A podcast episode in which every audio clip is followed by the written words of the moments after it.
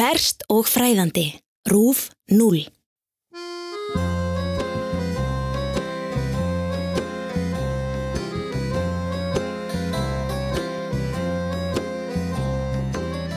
Þessi saga fjallar um einn dularfylsta glæp í sögu New York borgar og bandaríkjana allra, glæp sem hefur verið óupplýstur í meira en 170 ár.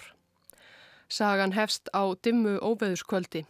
Það hljómar kannski svo litið eins og eina verstu klísjum spennu og hryllingsbókmentana, en við skulum láta það standa, þetta er jú sönn saga.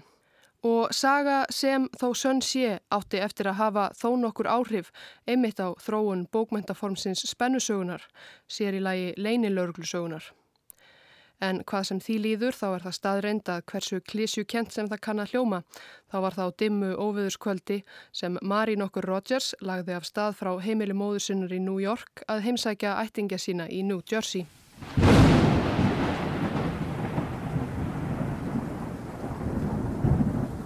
Þetta var á sunnundaskvöldi sent í júli árið 1841. Mari Cecilia Rogers var um tvítugt. Hún var nýlega trúlofuð. Um ára byl síðan hún var unglingur hafði hún unnið í tópaksverslun Johns Anderson við Liberty stræti á Manhattan. Þar var hún rómuð fyrir fegur sína á þokka, svo mjög að Karlmenn lögðu leið sína í tópaksveslunina á Liberty stræti einungist til að berja hérna ungu Mari Rogers augum og gerðust jafnvel reykingamenn til að eiga þangað oftar erindi. Frægir rithöfundar og menningarvitar þess tíma voru meðal viðskipta vinna verslunarinnar, menn eins og James Fenimore Cooper og Washington Irving og þeir hafðu margir hverjir hrifist svo af Mari að þeir ortu um hana ljóð sem byrtust af og til í dagblöðum og bókmentaritum. Eigandi verslunarinnar helt mikið upp á Mari Rogers en það hafðu viðskiptin blómstrað síðan hann réðana til starfa. Á mánudagsmorgun var Mari ekki komin heim eins og hún hafði áætlað. Það var enn vonsku veður og móðir Mari taldi víst að stúlkan hefði orðið veður teft hjá ættingum sínum. Hún vildi ekki æsa sig um og of. Fyrir þremur árum hafði Mari horfið í nokkra daga.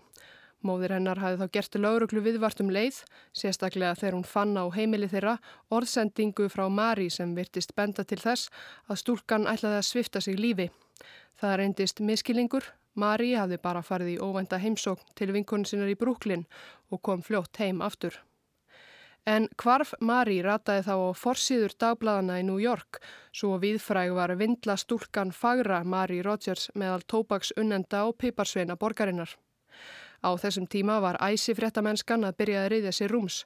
Framfarir í prenttækni gerði það nú mögulegt að prenta dagblöð í stærri upplögum fyrir minna fjö.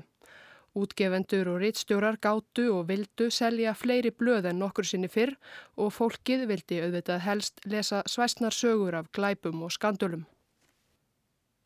Síðla dags þann 28. júli, þremur dögum eftir Kvarf Mari, var hópur manna á heilsubótargöngu með fram vesturbakka Hudson árinar, New Jersey megin en ekki langt frá New York. Þetta var vinsælt útivistarsvæði fyrir íbúa stórborgarinnar. Í ánni kom einn mannana auga á nokkuð sem lítist klæðisplaggi á floti. Mennirnir rýru og ára bát út í ána miðja þar sem þeir sáu sittir hryllings að það sem þarna maraði var illa útleikið lík ungra stúlku.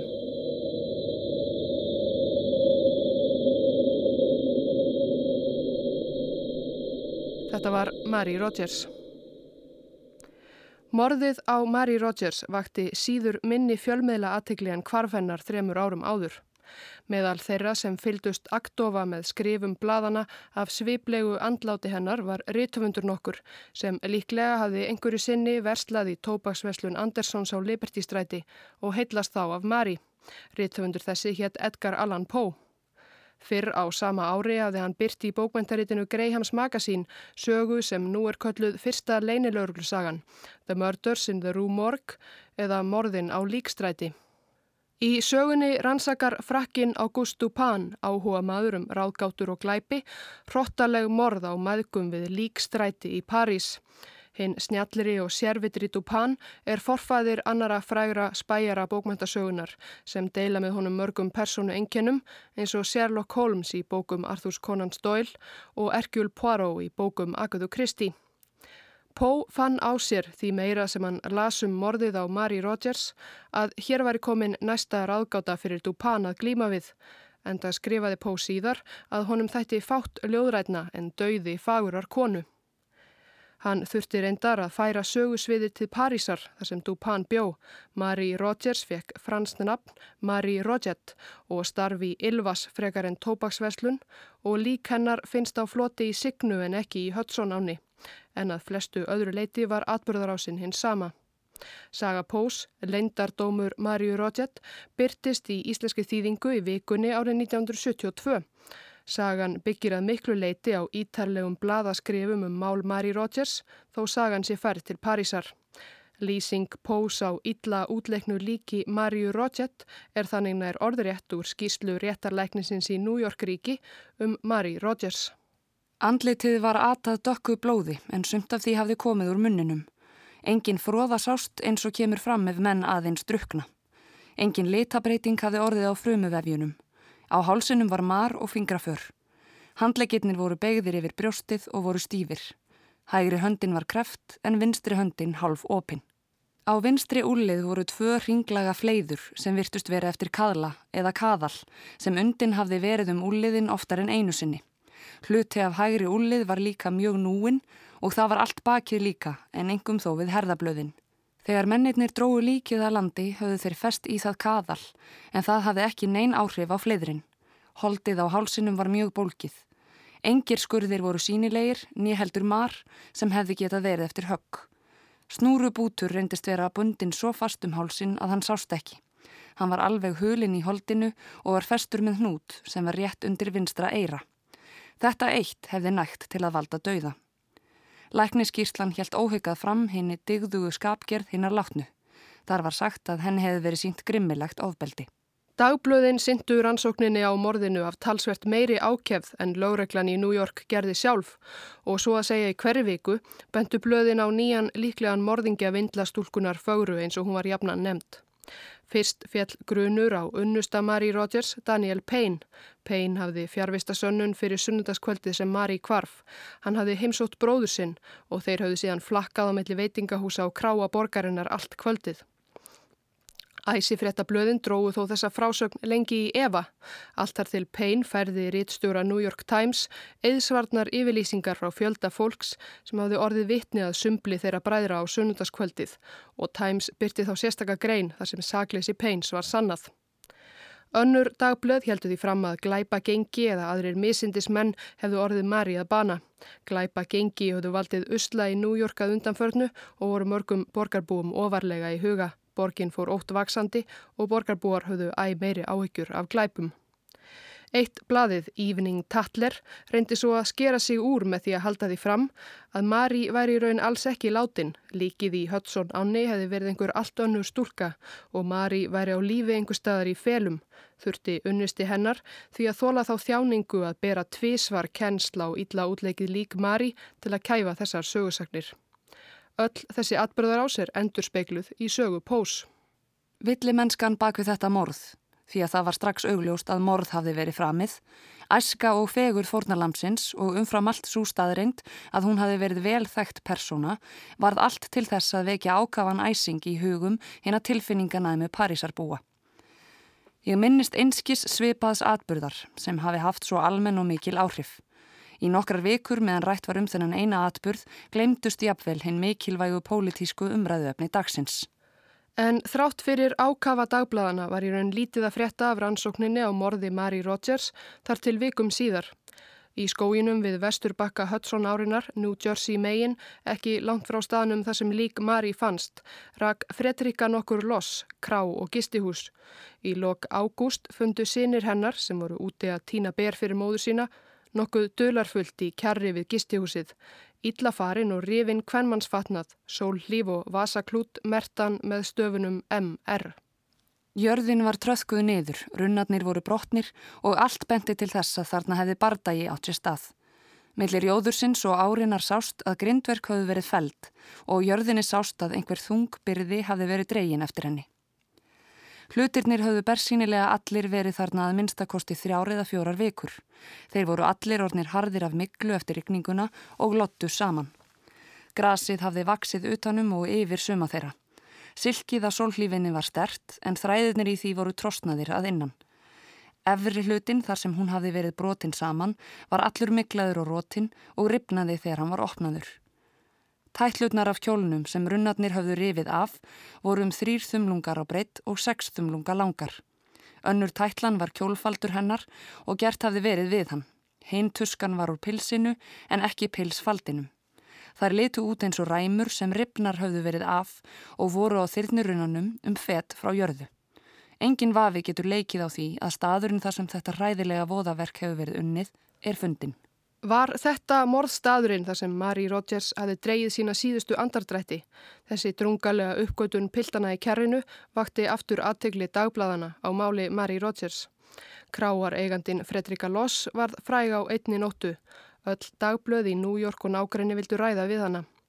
Og Loss reyndist á hafa séð Mari Rodgers á kránni sunnudagskvöldið 25. júli þegar hún kvarf. Hún hafði ekki verið einn, heldur í fyllt með hávaksnum manni, dökkum yfirlitum sem Loss bar ekki kennsl á. Parið pantaði sér hvort sitt límonaði glasið og let sig svo fljótlega hverfa. Síðar þetta kvöld herði Loss öskur berast úr skóinum við krána. Á sínum tíma hafði hún haldið að þetta væri eitthvað dýr, sagði hún, en nú væri hún þess full viss að þetta hefði verið síðustu öskur Mari Rogers. Vittnisspurður Loss vakti gríðarlega aðtikli. Hver var þessi hávaksni dökki maður sem hafði fyllt Mari síðasta kvöld æfi hennar æftu dagblöðin á forsiðum sínum? En lögreglan var samt engunær og smátt og smátt dopnaði aftur áhugi almennings á málinu. Setna um haustið framti unnusti Mari Daniel Payne sjálfsvík. Hann var niðurbrotin maður og þar að auki virtist hálf borgin enn trúa því að hann hefði myrt ástkæra unnustu sína. Hann leitaði á náðir áfengis og kvartaði undan því að draugur Mari ásækti hann. Hann svifti sig lífi með því að taka stóran skamt af ópíumblöndu og loknaðist út af í kjarrinu þar sem fött Mari fundust. Á miða hafði hann hripað hinstu skilabóð sín.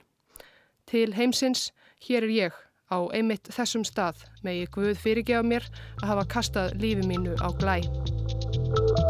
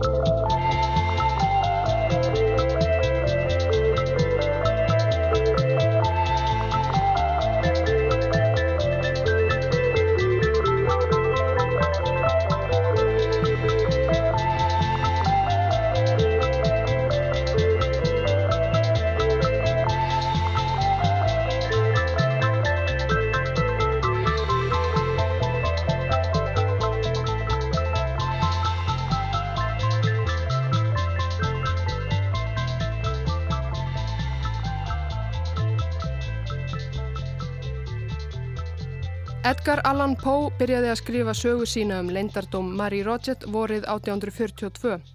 Þá var Korki almenningur nýja yfirvöld í New York nokkru nær um morðingja Mary Rogers.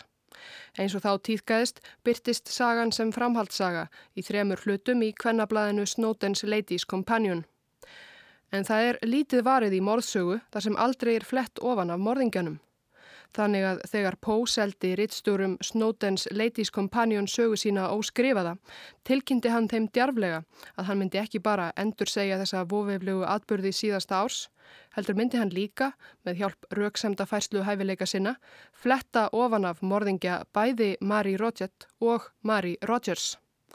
Leindardómur Maríu Rodgett er í dag að fáum álitin ein af allra bestu sögum Edgars Allan Poe þó vissulega hafi hún á samtínum sögunum tveimur um hinn snjalla August Dupin verið áhrifamikil.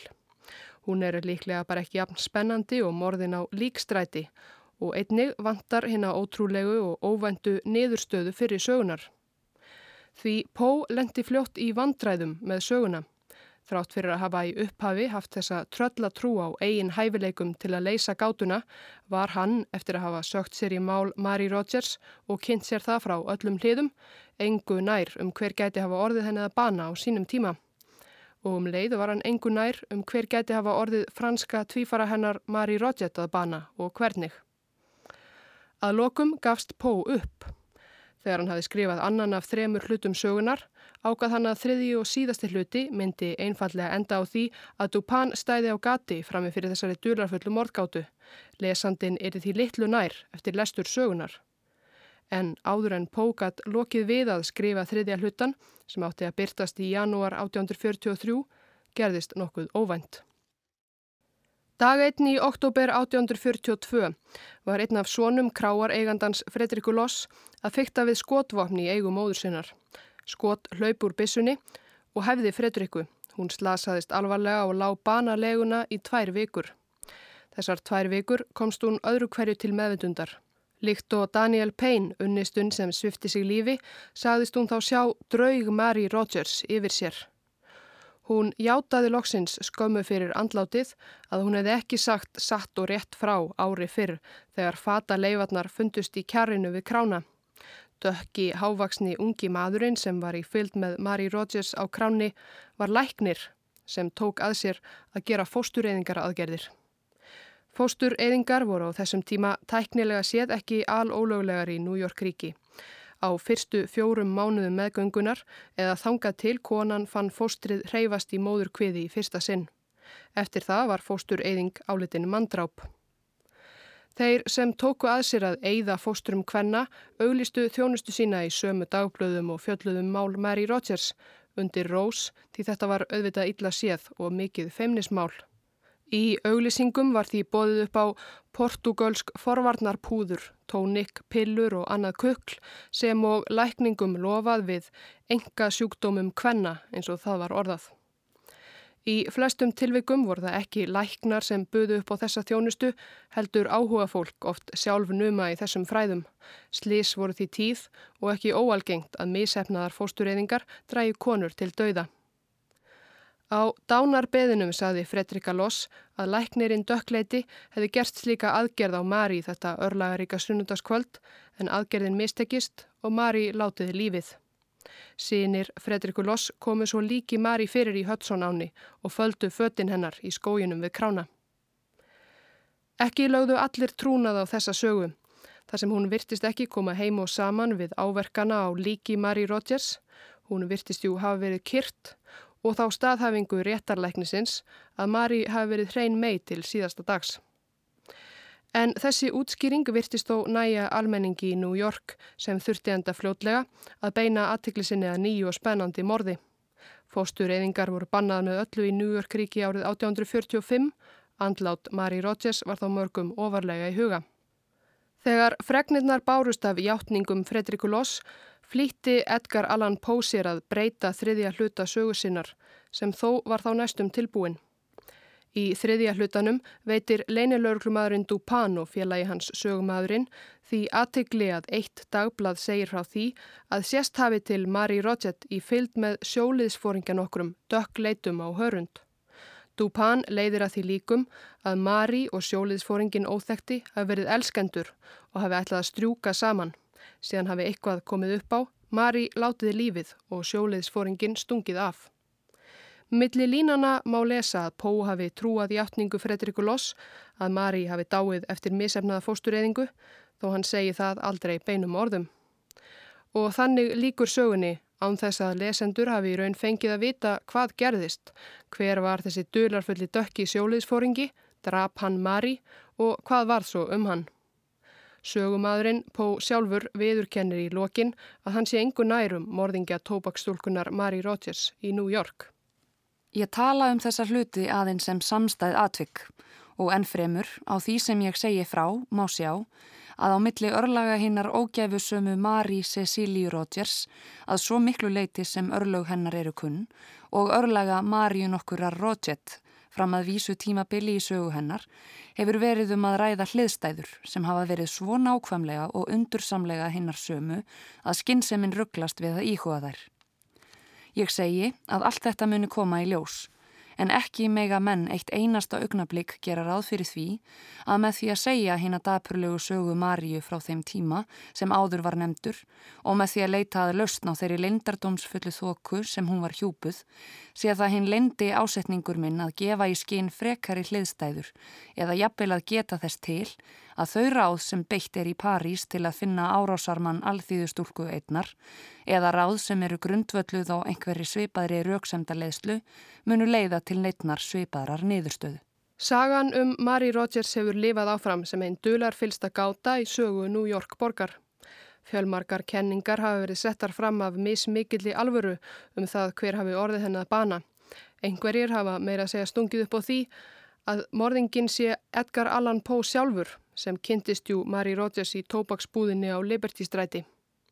Það er hæpið en engum hefur í þessi meira en 170 ár sem eru liðin síðan Mari Rogers var myrt tekist að setja saman virkilega sannfærandi kenningu um hver hafi orðið henni að bana. Poe var engu nær eftir að hafa lokið við að skrifa sína útgáfu af sögunni. Nokkru síðar spurði forvitin félagi hans í brefi hvort hann hefði sleft nokkru smáatriði í máli Mari Rogers úr sögusinni, einhverju sem geti hugsanlega varpað einhverju örlittlu ljósi á þetta dölarfulla mál. Pó skrifaði tilbaka að hann hefði engu sleft úr sögunni, nema því að sjálfur skildi hann hvorki uppni niður í málinu.